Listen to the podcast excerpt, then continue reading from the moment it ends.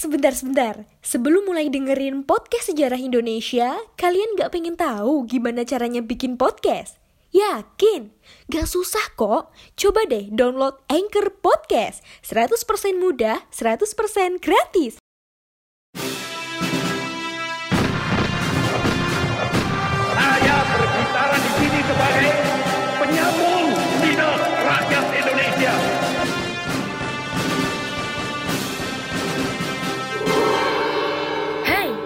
Terima kasih sudah memilih mendengarkan kami, Poseidon.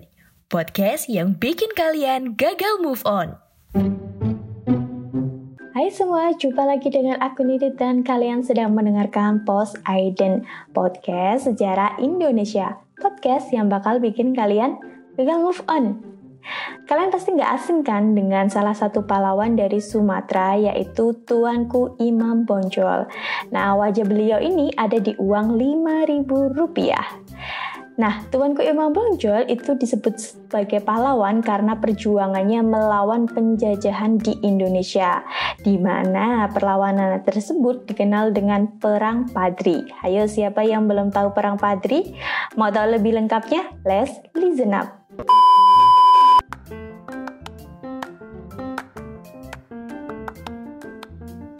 Halo Sobat Poseidon, kalian pasti sudah tidak asing lagi dengan Anchor. Yap, aplikasi penyedia jasa untuk para podcaster pemula dan juga pro.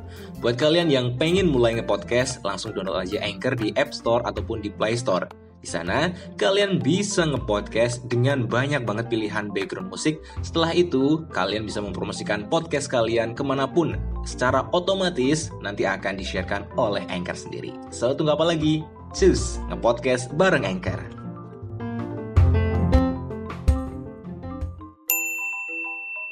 Sebelum kita bahas Perang Padri, kalian harus tahu dulu nih kaum Padri dan kaum adat di Minangkabau.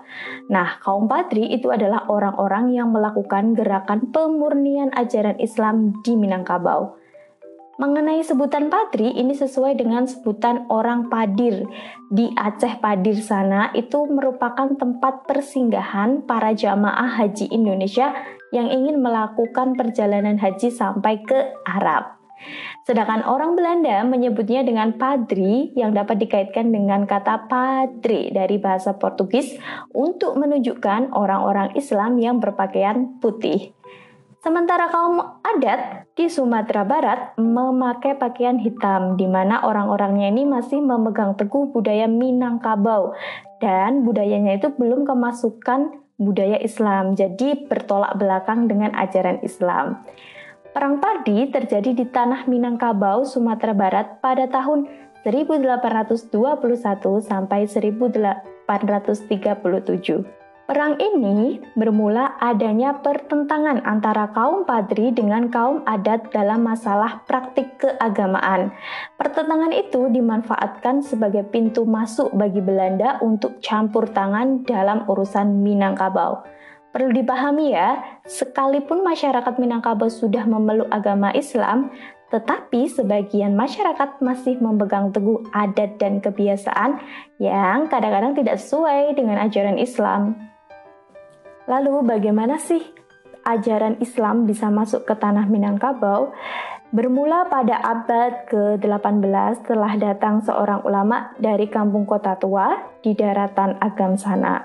Nah, karena orang ini berasal dari kota tua, maka ulama itu terkenal dengan nama Tuanku Kota Tua.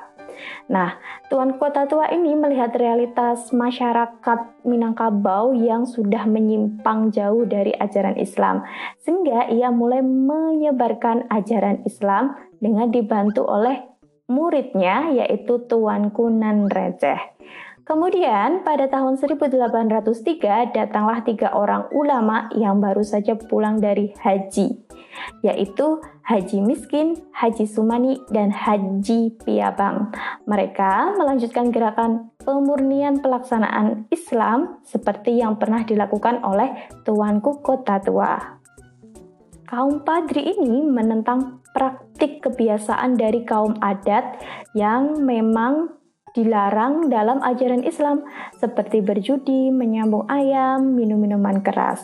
Kaum adat yang mendapat dukungan dari beberapa pejabat penting kerajaan ini menolak gerakan padri. Terjadilah pertentangan antara kedua belah pihak.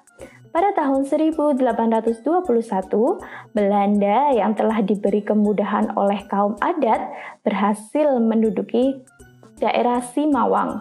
Di daerah ini telah ditempatkan dua meriam dan 100 orang serdadu Belanda. Tindakan Belanda ini ditentang keras oleh kaum Padri pada tahun 1821.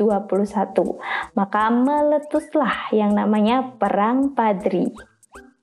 Perang Padri itu dapat kita katakan terjadi selama dua periode. Kenapa dua periode? Karena lawan dan kawan yang berbeda. Nah, kita bahas yang periode pertama dulu. Perang Padri yang pertama merupakan perang yang berlangsung antara kaum ulama atau padri dan kaum adat. Beberapa hari setelah perundingan antara kedua belah pihak dan tidak ada kata sepakat, Kemudian pada tahun 1815, kaum ulama atau padri melakukan serangan terhadap kerajaan Pagaruyung yang dikuasai oleh kaum adat ya.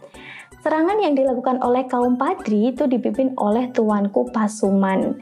Serangan berlangsung membuat Sultan Arifin Manusyah kalah dan melarikan diri dari ibu kota kerajaan. Akibatnya, beliau semakin terdesak kaum adat kemudian meminta bantuan kepada pihak Belanda. Akhirnya dibuatlah perjanjian. Dengan melakukan perjanjian, maka kerajaan ini telah menyerahkan kerajaannya kepada pihak Belanda. Kaum adat dengan bantuan Belanda itu melakukan serangan di daerah Simawang dan Sulit Air pada tahun 1821. Tentunya atas bantuan dari Belanda ini, kaum Padri itu dapat dipukul mundur dari Pagaruyung. Langkah selanjutnya yang dilakukan Belanda adalah membangun benteng pertahanan bernama Fort Bander Kapellen. Lokasi benteng tersebut berada di Batu Sangkar. Kemudian kaum Padri itu bergeser ke daerah namanya Lintang. Di sana mereka menyusun kekuatan agar lebih hebat lagi dan bisa mengalahkan bantuan dari Belanda. Akibat sulitnya mengalahkan kaum Badri, Belanda kemudian mengusulkan untuk melakukan genjatan senjata.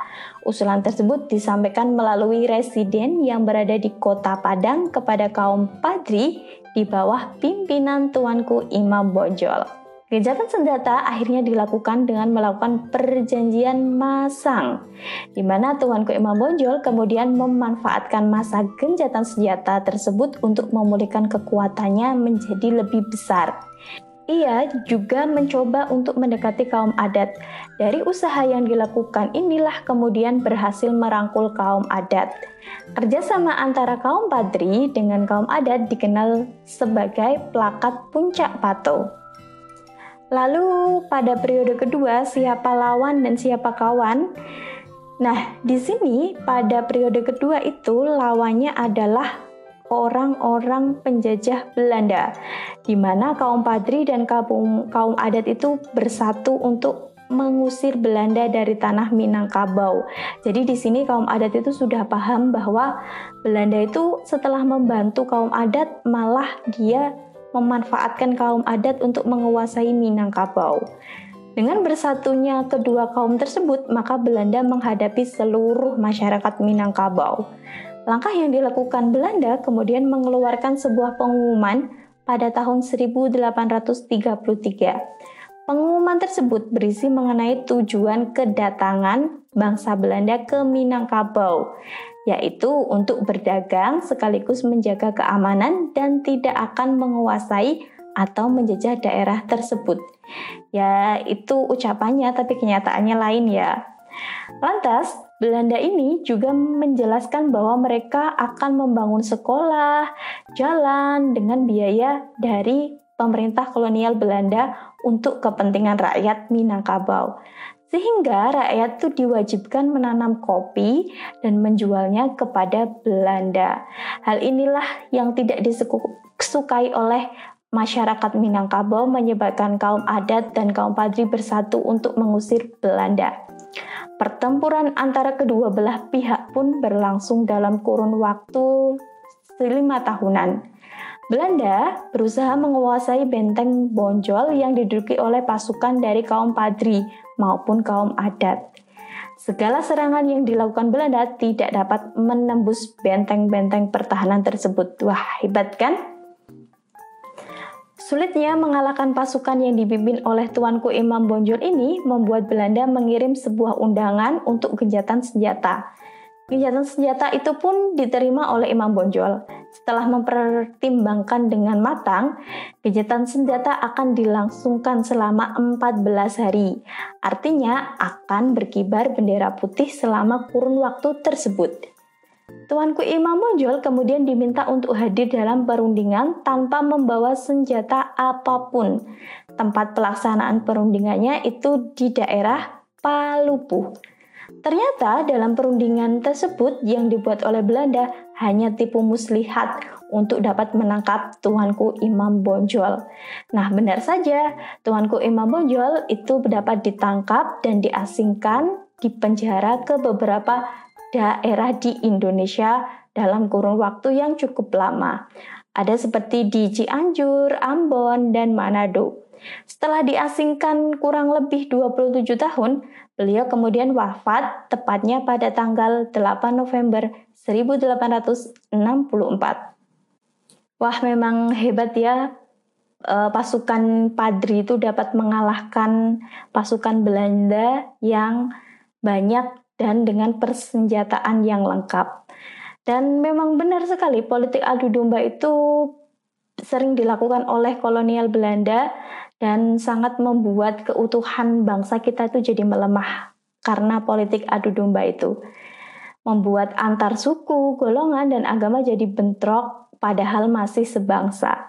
Makanya kita yang sudah merdeka ini jangan mau diadu domba oleh organisasi atau kelompok yang tidak bertanggung jawab.